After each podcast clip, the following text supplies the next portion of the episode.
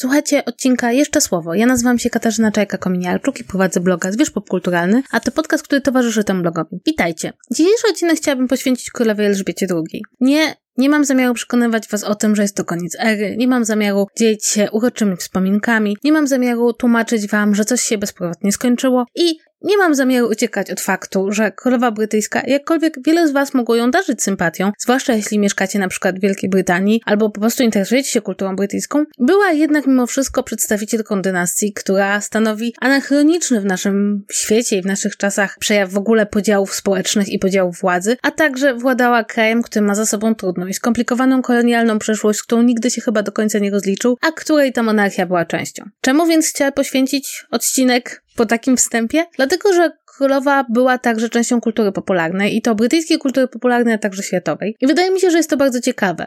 A przynajmniej w ostatnich latach stało się dużo ciekawsze za sprawą kilku produkcji, które uczyniły z królowej brytyjskiej bardzo specyficzny i bardzo konkretny symbol pewnych tęsknot i pewnego spojrzenia w ogóle na to, czym jest monarchia. Musimy tutaj zdać sobie sprawę, że opowieść o monarchii jest wpisana w kulturę nie tylko brytyjską, ale i światową. Ale jeśli spojrzymy na kulturę brytyjską, chociażby na sztuki Szekspira, to zdamy sobie sprawę, że opowiadanie o monarchach i postrzeganie ich jako kogoś więcej niż tylko władców, ale jako symbol pewnych wewnętrznych problemów, jakie niesie ze sobą władza i relacja władcy z poddanymi, to coś, co sięga bardzo, bardzo daleko tradycją. Nie powinno nas więc dziwić, że królowa brytyjska też pojawia się w tym kontekście. I tu od razu chciałabym powiedzieć, że możemy wyróżnić trzy takie narracje, z których Jedna jest bardzo ciekawa, jedna jest moim zdaniem najmniej ciekawa, jedna jest ponownie bardzo, bardzo ciekawa. Zacznijmy od tej pierwszej ciekawej, czyli od takich bardzo personalnych relacji królowej z popkulturą. Z plotek wiemy, że bardzo lubiła doktora Who, ale nie chodzi nam tutaj o plotkowanie, o to, co lubiła, czego nie. Chodzi nam o tą sytuację, w której królowa bezpośrednio spotkała się z pewnymi postaciami z kultury popularnej, czy dała im swoje takie, jakby można powiedzieć, królewskie błogosławieństwo. I tu nie chodzi mi o te wszystkie przykłady, które widzieliście na niezliczonej liczbie zdjęć, kiedy królowa brytyjska ściska rękę e, aktorów i aktorek, piosenkarzy i piosenkarek, których znacie ze świata rozrywki, dlatego że częścią tego królewskiego ceremoniału było przez lata przybywanie na najróżniejsze premiery, a także wręczanie odznaczeń i wyróżnień aktorom i osobom zasłużonym dla kultury. Nie chodzi mi o ten aspekt. On jest po prostu częścią no, pewnej kultury związanej z tym, że jeśli jest monarchia, to ta monarchia musi coś robić i zawsze jest jakaś wstęga do przecięcia i jakieś ranka do uściśnięcia. Chodzi mi o dwa konkretne przykłady, czyli otwarcie olimpiady w 2012 roku, a właściwie Igrzysk Olimpijskich dla wszystkich wszystkich, którzy zaraz zaczną mnie poprawiać w głowie, a także o niedawny przykład świętowania 70. rocznicy panowania królowej. W obu tych przypadkach królowa wystąpiła w krótkich filmikach z bohaterami brytyjskiej kultury, czy właściwie popkultury. W pierwszym przypadku był to James Bond, w drugim Miss Paddington. Jest to bardzo ciekawe zestawienie, bo te postaci stanowią w jakiś sposób swoiste dwa kontrapunkty patrzenia na to, czym mogłaby być brytyjskość, jak można ją postrzegać. James Bond jest w pewien sposób uosobieniem trochę tęsknoty, a trochę wspomnienia, a być może trochę nawet ciągłego przekonania o imperialnym znaczeniu Wielkiej Brytanii. Nie chodzi o to, że James Bond jest najlepszym agentem na świecie, który swoimi umiejętnościami przewyższa chociażby agentów amerykańskich, na 100% rosyjskich, ale także w ogóle wszystkich innych na świecie. Chodzi raczej o to, że James Bond czuje się wszędzie na świecie u siebie. Czuje się wszędzie na świecie u siebie, ponieważ jest Brytyjczykiem, a Brytyjczyk tak naprawdę przez bardzo wiele pokoleń był w bardzo wielu krajach u siebie. Jego język jest językiem międzynarodowym. Wiele z krajów Azji, Europy, Afryki, w tym jeszcze Stany Zjednoczone, zanim stały się Stanami Zjednoczonymi, były przecież koloniami. Innymi słowy, James Bond jest trochę osobieniem z jednej strony swoistego marzenia o tym, jaki mógłby być Brytyjczyk w świecie, czyli najinteligentniejszy, najzdolniejszy, najsprawniejszy, najseksowniejszy, najlepiej wyglądający w swoim fraku czy w e, garniturze, uwodzący kolejne kobiety bez względu na to, gdzie się pojawi, ale przede wszystkim pokazujący reszcie świata wyższość kultury brytyjskiej i to, że Wielka Brytania wciąż ma znaczenie. I to moim zdaniem jest powód, dla którego przez te 60 lat mogliśmy zmieniać aktorów, którzy grali Jamesa Bonda. Mogliśmy zmieniać tempo tych filmów, podejście do kobiet, starać się go w jakiś sposób zmodernizować, a James Bond zawsze będzie pozostawał wspomnieniem czegoś, czym Wielka Brytania już nie jest. Żeby James Bond był inny, musiałby się pozbyć tej imperialnej przeszłości, ale oznaczałoby to, że Wielka Brytania musiałaby się pozbyć tej imperialnej przeszłości, a jest to przynajmniej chwilowo niemożliwe. I to jest nasz James Bond. Ta imperialna Wielka Brytania. Z drugiej strony mamy Misia Paddingtona. Miś Paddington w ogóle nie jest Brytyjczykiem, jest misiem z Peru, o czym bardzo wiele osób przypominało, kiedy ten filmik się pojawił. Wskazując, że z jednej strony mamy tutaj urocze filmik, gdzie królowa je podwieczorek razem z misiem Paddingtonem i oboje jedzą kanapki z marmoladą, ale z drugiej strony e, uchodźcy w Wielkiej Brytanii wcale nie są dobrze traktowani, wręcz przeciwnie, ostatnie posunięcia rządu wskazywały na to, że uchodźcom, zwłaszcza z krajów afrykańskich, będzie coraz trudniej pozostać w Wielkiej Brytanii, a część z nich może zostać odesłana do domu. Niemniej jednak, wracając do misia Paddingtona, kojarzy się on z tym, co jest w pewien sposób stereotypowo brytyjski, ale w dobry sposób. Herbatka, kanapka z marmoladą, przywiązanie do swojej społeczności, swojej ulicy, pewne roztrzepanie, ale też ciepło. I mam poczucie, że fakt, że królowa w jakiś sposób powiązała się z tymi dwoma symbolami kultury brytyjskiej, pokazuje pewne, pewną schizofrenię, można powiedzieć, patrzenie na kulturę brytyjską w świecie, bo z jednej strony jest ona, wiecie, postrzegana przez komedie romantyczne i tych roztrzepanych, uroczych aktorów, którzy odgarniają sobie ciągle grzywkę i wyglądają jakby mieli zaraz umrzeć z zakłopotania tym, że są Brytyjczykami, z drugiej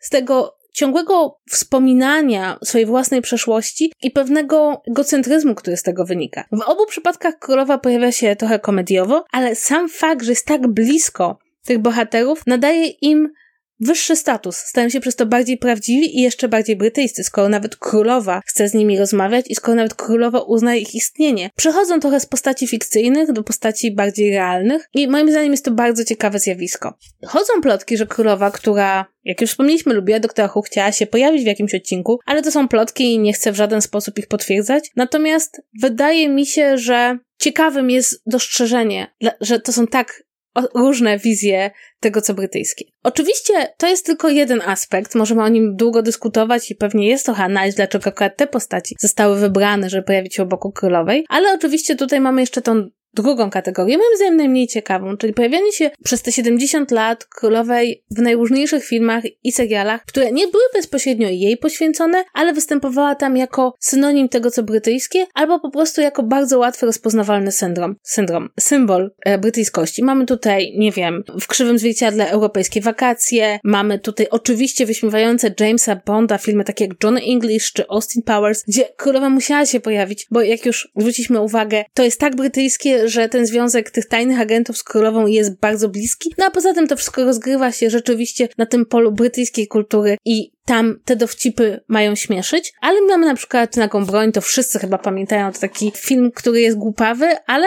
Oczywiście, jeśli ma się pojawić tam jakaś ważna postać, którą wszyscy rozpoznają natychmiast, e, to będzie to królowa brytyjska. I takich pojawień się królowej w popkulturze jest dużo i są to, nie wiem, film Samochody 2, czy Minionki, czy cała seria o Korgim Królowej i to potwierdza coś, co wydaje mi się istotne, kiedy rozmawiamy o obecności królowej w popkulturze, to znaczy, że była tak długo obecna, a żeby pokazać wam, jak długo była obecna, to musicie sobie zdawać sprawę, że wątek chęci spotkania królowej pojawia się w I Love Lucy, także wątek królowej pojawia się w Hanie Montanie. Jakby to jest nasza rozpiętość. To jest pół historii telewizji, więc wydaje mi się, że bardzo dobrze popkultura uświadamia nam, jak mocno królowa była wpisana w obecność w świecie. To znaczy, że to jest świat i w tym świecie Wielką Brytanią rządzi królowa, królowa, która wygląda w ten sposób. Łatwo ją przedstawić w filmie, łatwo ją przedstawić w serialu, nie musimy nawet pokazywać jej twarzy. Wystarczy nawet, może być nawet w tle, jak w filmie 2012 i tak ją rozpoznamy, dlatego, że jej symbole są bardzo łatwe do zakodowania. Co zresztą skłania do refleksji, że kiedy królowa umarła, będzie trzeba w jakiś sposób na nowo zakodować władcę Wielkiej Brytanii. Tym razem może być to trudniejsze, dlatego że królowa panowała 70 lat, Karol na 100% 70 lat nie będzie panował, w związku z tym niezależnie od tego, ile symboli mu nadamy, nie wbiją one się tak mocno, nie zapiszą się one tak mocno w pamięci widzów i nie będą tak łatwe do zakomunikowania widzom bez względu na wiek, bo zwróćcie uwagę, że nikt w takich animacjach nie tłumaczy, kim jest ta królowa. Jakby wszyscy wiedzą, że chodzi o królową brytyjską, bo jest tylko jedna królowa brytyjska. To właśnie daje 70 lat na tronie. Natomiast tym, co wydaje mi się jest najciekawsze, to fakt, że w ostatnich latach mieliśmy bardzo dużo produkcji, które odnosiły się bezpośrednio do życia królowej brytyjskiej. E, oczywiście mówię tutaj o swojej trylogii Petera Morgana, czyli sztuce Audiencja, filmowi Królowa i serialowi The Crown. Mm, wszystkie one opowiadają o królowej brytyjskiej, o Elżbiecie II. Wszystkie one mają podobny ton, w którym z jednej strony mamy opowieść o władczyni, władczyni w kontekście trochę politycznym w The Audience, władczyni w chwili kryzysu w, e, w Królowej, no i taką biograficzne przejście przez najważniejsze momenty panowania w The Crown, ale z drugiej strony mamy także próbę takiego psychologicznego dojścia, co to znaczy być władcą, co to znaczy sprawować władzę, dla kogo się tą władzę sprawuje, jakie jest spojrzenie królowej na władzę, jakie decyzje musi podejmować władca, których nie chciałby podejmować, ile jest w tym samotności, ile jest w tym powinności, ile jest tych alternatywnych życiorysów, których człowiek nie przeżywa, bo przeżywa ten jeden. W tych biograficznych, a właściwie takich biograficznych fantazjach nazwałabym to, Morgana bardzo widać pewien opór samej jakby wizję, takie oporu królowy przed przyjęciem na siebie tego obowiązku, a jednocześnie głębokie przywiązanie do tego, żeby sprawować tą władzę właśnie z obowiązku, z poczucia, że robi się to dla innych. E, nie ma tutaj żadnego tabu. Twórca, scenarzysta, dramatopisarz przechodzi przez bardzo prywatne momenty życia królowej, chociażby w The Crown widzimy kryzys jej małżeństwa, e, ale jednocześnie na pierwszy plan wysuwa się to pytanie, czy można jednocześnie być żoną, matką, normalną kobietą i władczynią. I Wydaje mi się, że te filmy były na tyle sugestywne, filmy, sztuki, seriale były na tyle sugestywne, że bardzo mocno wpłynęły na nasze spojrzenie na królową. Pomijam fakt, że Helen Mirren sprawiła, że zapomnieliśmy, jak one bardzo nie są do siebie podobne, e, bez charakteryzacji, to mam wrażenie, że królowa przestała być tylko symbolem władzy, e, symbolem nawet kolonializmu, a stała się pewną jednostką w pewnej psychologicznej, społecznej, politycznej sytuacji. Mam wrażenie, że Morgan bardzo mocno właśnie sugerował się czymś, e, co robił przed nim chociażby Shakespeare, czyli wyjmujemy króla króla, pokazujemy króla w pewnym kontekście, tak naprawdę nie chcemy opowiedzieć wyłącznie o królu, ale o człowieku, prawda?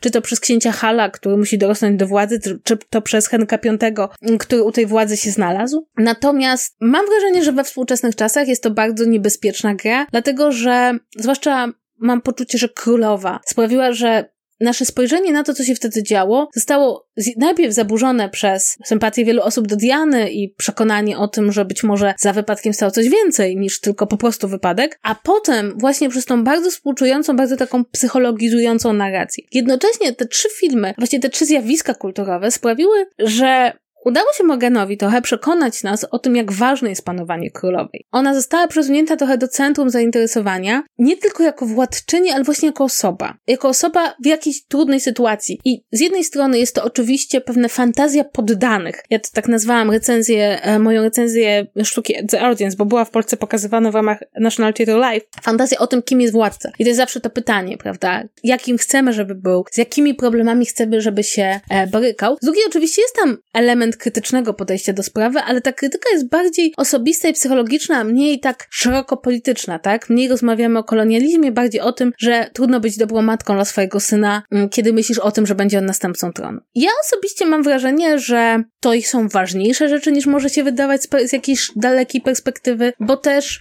utwierdzają nas w przekonaniu, że o tej, że ta narracja o koronie jest narracją czymś więcej niż tylko narracją o koronie, że jest trochę o nas. Nie jestem do końca pewna, czy to jest dobre zjawisko, czy złe. Na pewno pokazuje, że nie zmienia się fascynacja tym światem rządzenia i światem królów i światem ludzi wysoko urodzonych. I jestem bardzo ciekawa, co zrobi teraz Morgan. No, wiemy, że The Crown się niedługo skończy, nakręcony już piąty sezon, teraz pojawi się ten szósty. Ciekawa jestem, czy Śmierć Królowi wpłynie na, na scenariusz, dlatego, że no, nie da się ukryć. Można o kilku więcej rzeczach opowiedzieć, ale z drugiej strony jestem ciekawa, czy pojawią się jakieś dzieła, które będą na to wszystko patrzyły w bardziej rozliczeniowy sposób. Zwłaszcza, że no, jak pokazują ostatnie lata, jest co rozliczać, bo nie chodzi tu już tylko i wyłącznie o skandale typu wydało się syna nie za właściwą osobę, no ale chociażby gdzieś tam w tle pojawia się wciąż powracający skandal pedofilski księcia Andrzeja, który nie został rozstrzygnięty i zastanawiam się, czy śmieć królowej tutaj, nie wiem, chociażby pchnie chociażby Morgana do tego, żeby poszukać jakiejś nowej narracji. Nie jestem pewna,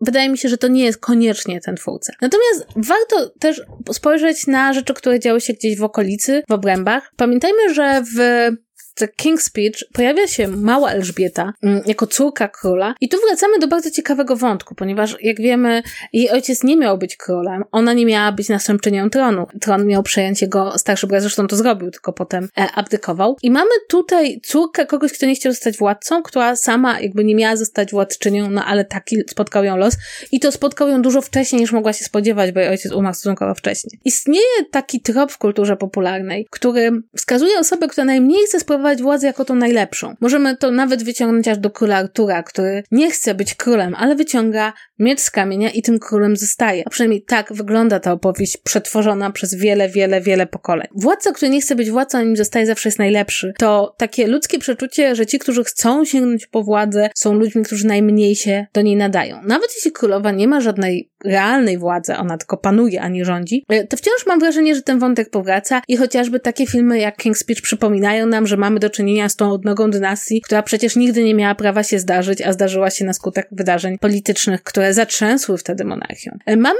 e, film dosyć ciekawy, który nazywa się Royal Night Out. Nie wiem, jak był przetłumaczony na polski, który opowiada o tym, jak po zwycięstwie Wielkiej Brytanii w II wojnie światowej Elżbieta wraz ze swoją siostrą Małgorzatą wypuszczają się na miasto. Małgorzata oczywiście porywa prąd miasta, no bo to Małgorzata. E, zresztą to też ciekawe, że mamy emocje względem e, księżniczki Małgorzaty po oglądaniu The Crown. Natomiast Elżbieta stara się ją znaleźć i stara się no, sprowadzić ją do domu na czas. No i ponownie jest to taka ciekawa sytuacja, w której z jednej strony mamy opowieść teoretyczną i biograficzną, a z drugiej wracamy do wątków, które znamy, czyli do tego obowiązku, do tego bycia dobrą księżniczką, która niezależnie od tego, czego pragnie, czego by chciała i jak jest młoda, musi wrócić do pałacu. I, i ten pałac jawi się trochę jako taka złota klatka, e, do której zawsze trzeba powracać. No i na koniec mamy nie jeden, a dwa dzieła poświęcone księżnej Dianie, czyli musical Diana i film Spencer, które pokazują królową z zupełnie innego punktu widzenia. Tutaj na pierwszy plan wysuwa się Diana i królowa nie może być tutaj pokazana, no zdecydowanie może być tu pokazana ciepło, ale to jej poczucie obowiązku, to jej spojrzenie na to, czym ma być małżeństwo, jak ma wyglądać, kto się nadaje, a kto się nie nadaje, kto przynosi wstyd, to wszystko jest tutaj oglądane z perspektywy osoby, która nie ma tego sposobu myślenia. To, co Morgan pokazuje nam jako poczucie obowiązku, które czasem może kosztować kogoś własne szczęście czy własne ambicje, to jest pokazywane jako coś bardzo chłodnego, wykalkulowanego i wręcz niemalże zabójczego. I mam wrażenie, że te narracje odwołują się bardziej do czegoś, co sami możemy tak naturalnie czuć, że nikt z nas nie chciałby żyć takiego życia i nikt z nas nie chciałby w ten sposób patrzeć na świat. Co jest ciekawe, bo dostajemy dwie bardzo różne narracje obok siebie, które podejrzewam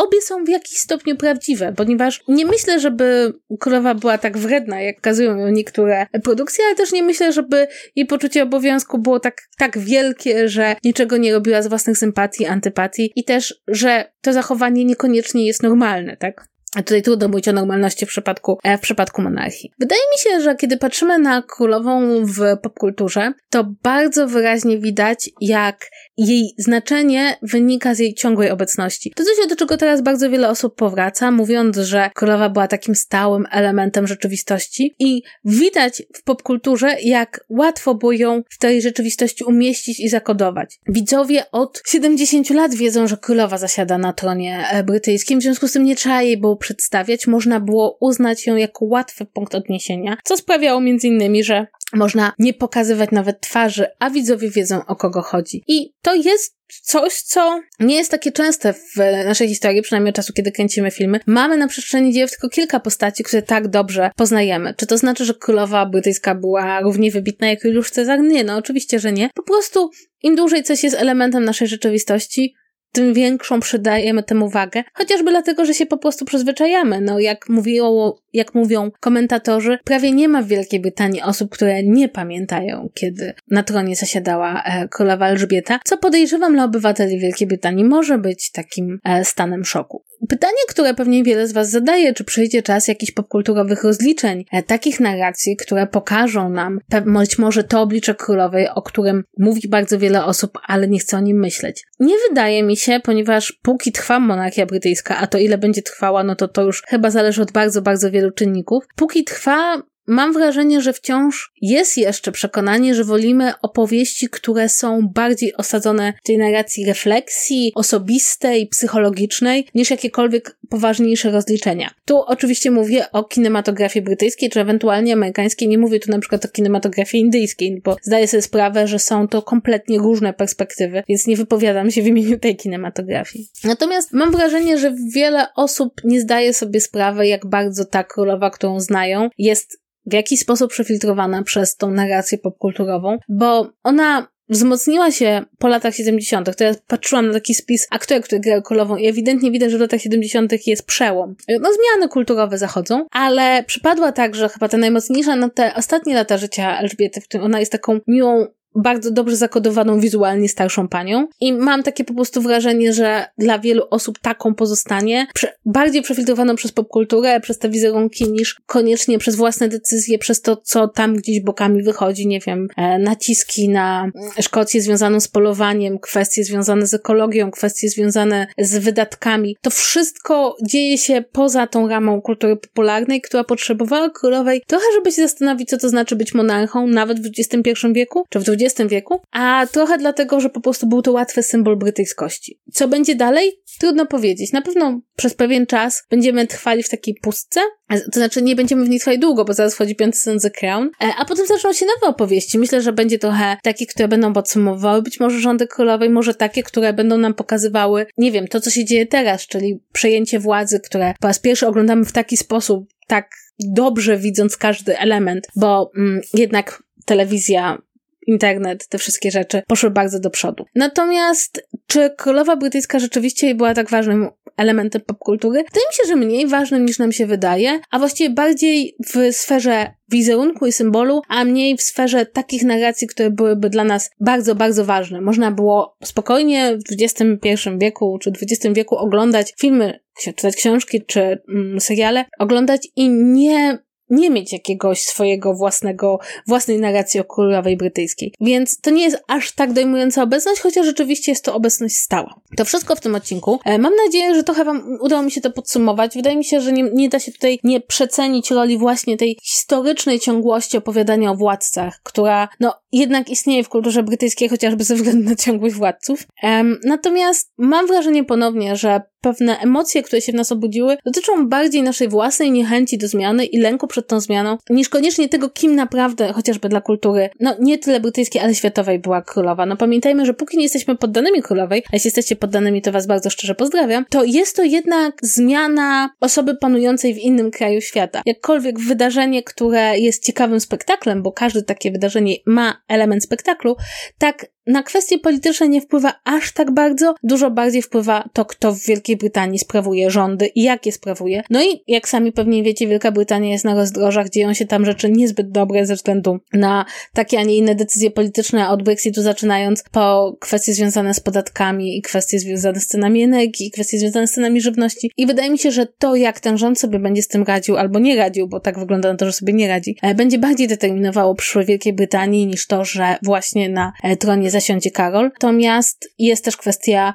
kosztów, jakie wiążą się ze śmiercią królowej, no bo pogrzeb królowej jest bardzo, bardzo kosztowny i już dzisiaj bardzo wiele osób mówi, że w obliczu kryzysu, w jakim jest Wielka Brytania, te koszty będą bolały dużo więcej osób dużo bardziej. Mm, co pokazuje, że w ostatecznym rozrachunku, e, niezależnie od tego, co czujemy wobec monarchii, trochę wszyscy za nią płacimy. I te wszystkie dylematy monarchy odbywają się na nasz koszt. E, znaczy nasz, na koszt obywateli, a właściwie poddanych. I to wszystko w tym odcinku. Mam nadzieję, że to się Wam spodobało. Staram się to w jakiś sposób skomasować i zebrać razem. Usłyszymy się w przyszłym tygodniu. Mam nadzieję, ja teraz wyjeżdżam na festiwal w Gdyni, więc nie wiem, czy uda mi się dokładnie w poniedziałek Wam o nim opowiedzieć, ale się postaram. A chciałam Wam też powiedzieć, że jest nowy odcinek Szczytu Czytu, na który wiele osób czekało i mam do Was dobrą wiadomość. Jeszcze następny odcinek został nagrany, więc w ogóle jesteśmy na kursie i na ścieżce. Mam nadzieję, że będziemy już nagrywać bardziej regularnie. A na razie bardzo Wam dziękuję za słuchanie tego odcinka i do usłyszenia w następnym. Pa, pa!